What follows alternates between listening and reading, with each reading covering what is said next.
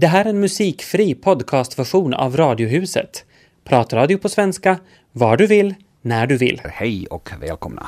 Till Radiohuset onsdag 28 december med Peter Falun och Tina Grönros nu när klockan är sex och en halv minuter i fyra. Och där vi idag tvingas konstatera, det står att läsa också på Svenska Yles hemsidor, att eh, Cheetah Tarzan så speciellt då, då skådisen Johnny Weissmullers kompis och vän, schimpansen alltså, nu gått ur tiden.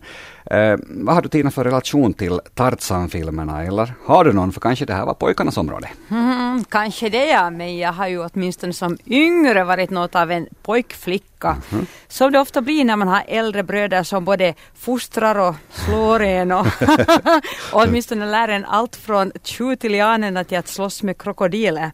Så Tarzan han har nog funnits i mitt liv långt före Walt Disneys tecknade version som jag tror dök upp visst i slutet av 1990-talet. Mm, ungefär.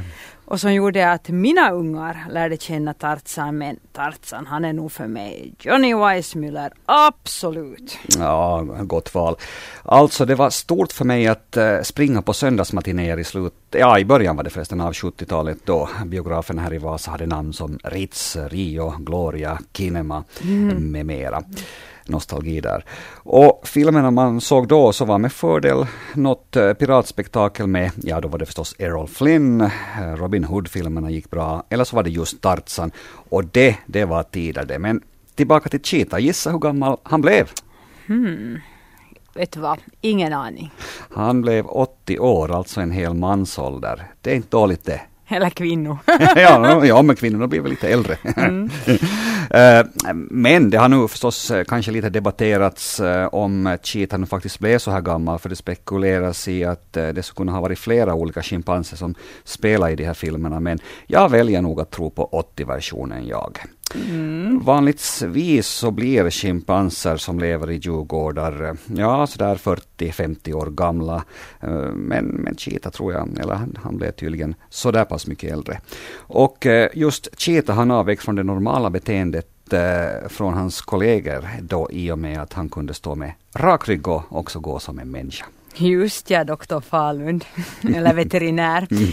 Nå, vad var nu orsaken att han dog då? Det lär enligt Tampa Bay Tribune ha varit njurarna som vacklade och till sist eh, gav det alltså upp. Cheetah bodde på ett skyddshem för djur i Palm Harbor. Det finns i Kalifornien. Det, dit han flyttade redan på 60-talet och han fick då leva tillsammans med 14 andra schimpanser. För det fick han minsann bo hemma hos den enda, som du sa, riktiga Tarzan-skådisen, just Johnny Weissmuller. Mm. De hade säkert trevligt ihop de där två. Pojkbus. mm.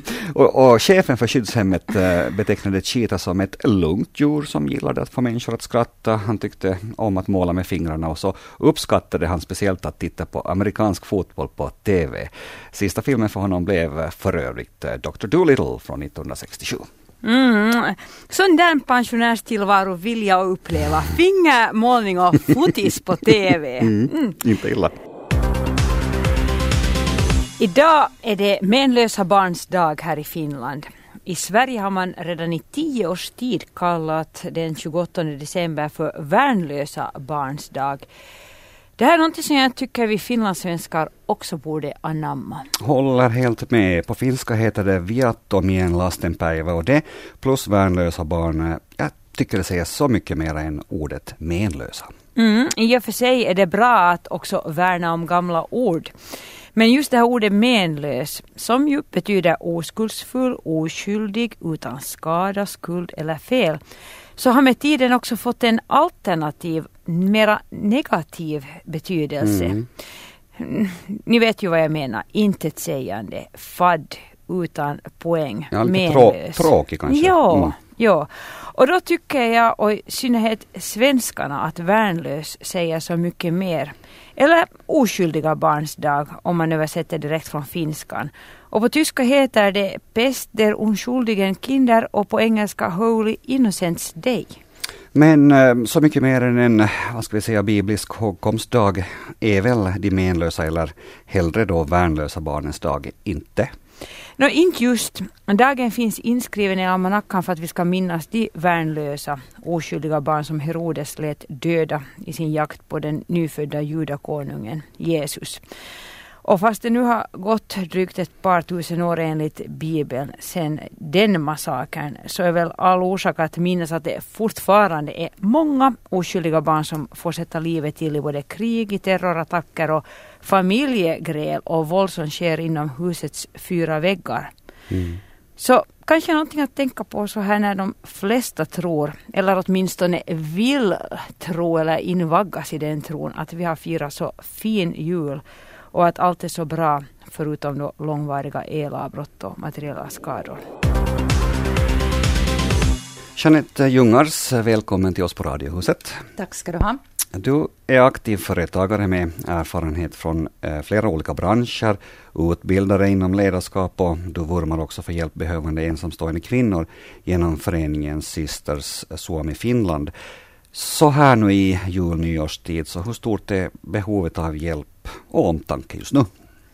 No, det är ju alltid stort förstås.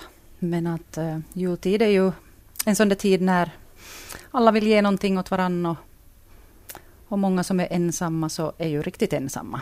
Mm. Lite mer om din bakgrund. Vem är Jeanette Ljungars? Ja, jag skulle väl säga jag är en eh, vanlig företagare och fembarnsmamma och en något ovanlig farmor kanske. Mm -hmm. Uppväxt här i Vasa och bor i Oravais. Och eh, ditt företagande, hur ser det ut? Ja, jag har två företag. Jag är hudvårdskonsult och sen då just det här med föreläsningar och ledarskapsutbildningar, personalutbildningar. Mycket om motivation och, och så här min passion är människor, att bygga upp dem. Mm. Va, vad ser du som så intressant där? Människorna. Du blir ju alltid när du träffar nya människor så det, det är ju så fascinerande. För det, du kan lära dig olika personlighetstyper och lite hur människor fungerar men det är ju nytt varje dag för att mm. människor är så olika men att att se lite när en människa liksom lyfts upp och kan gå framåt och få vara med där och hjälpa till lite. Det, det är oerhört inspirerande. Men det är ju så att det ganska, man talar ganska mycket om att ja, om burnout och, och människor som, som har det svårt nu i, i, i dagens hektiska samhälle. Så vad, va, vad, ser du som nyckeln där att låsa upp en som nu skulle, eh, en som inte mår så bra?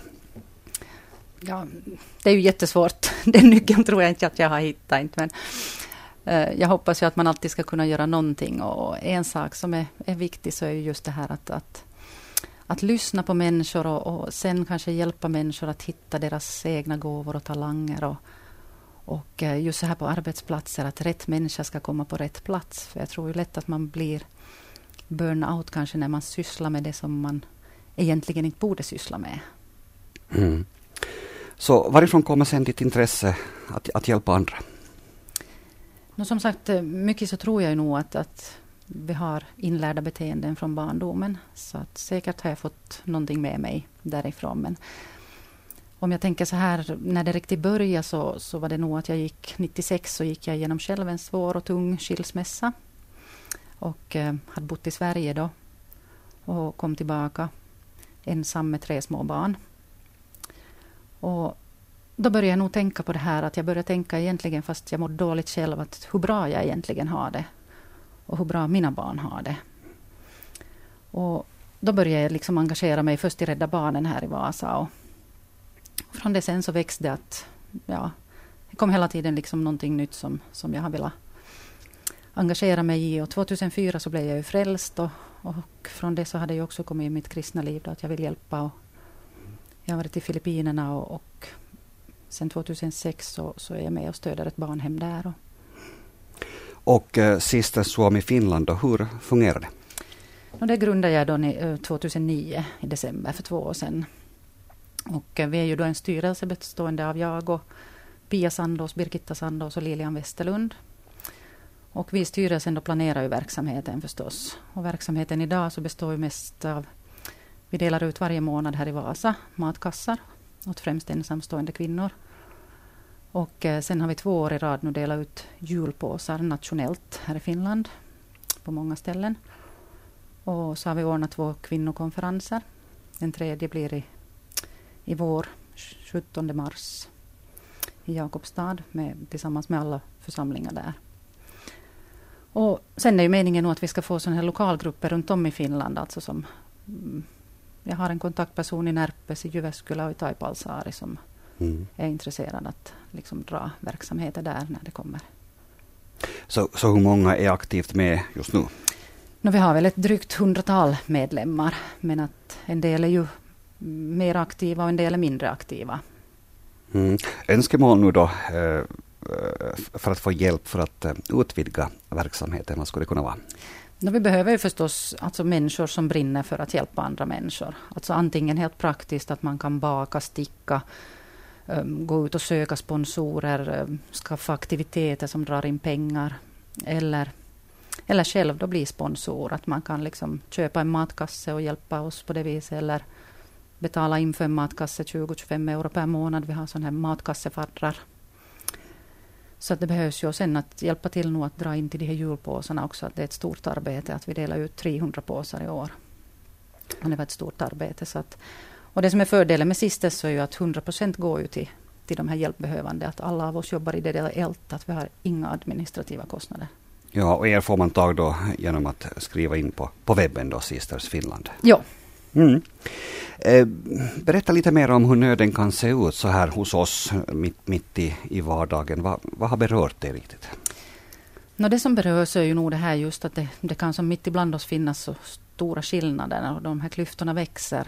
Att det är ju i vårt, vårt samhälle att allting blir dyrare och en som har det dåligt så, så får det liksom sämre och sen just att allt det som tänkt nu att varje människa ska ha telefoner, alla ska ha datorer, alla ska ha liksom allting. Men att det finns sådana här som inte har det. Och vi kanske många av oss så tänker bara att nej, men socialen tar hand om allt. Men, men så fungerar det ju inte heller inte. Och sen så berörde det nog när jag var och delade ut de här julpåsarna nu här, här i december.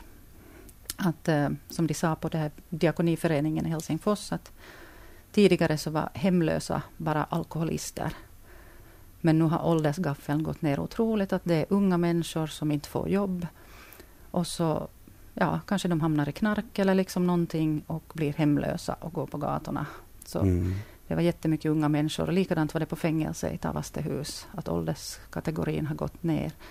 Och det var unga tjejer mellan 20 och 30 år. Hur oroad är du när det, när det ser ut så här nu för framtiden? No, det är ju sånt som jag, jag brinner för. Liksom att, att, ja, att på något vis liksom hjälpa de här unga att komma in på rätt spår igen. Att om inte de får, får liksom stöd och, och, hjälp från, från oss vanliga människor så, så har de ju nog det jättesvårt att komma in på en rätt bana igen. Själv då så har du ju fullt upp då med två företag. Du är utbildare, du, du talar mycket, föreläser och så håller du då på med, med Sisters Suomi Finland. Så hur gör du för att orka med allt? Um Ja, det är en bra fråga.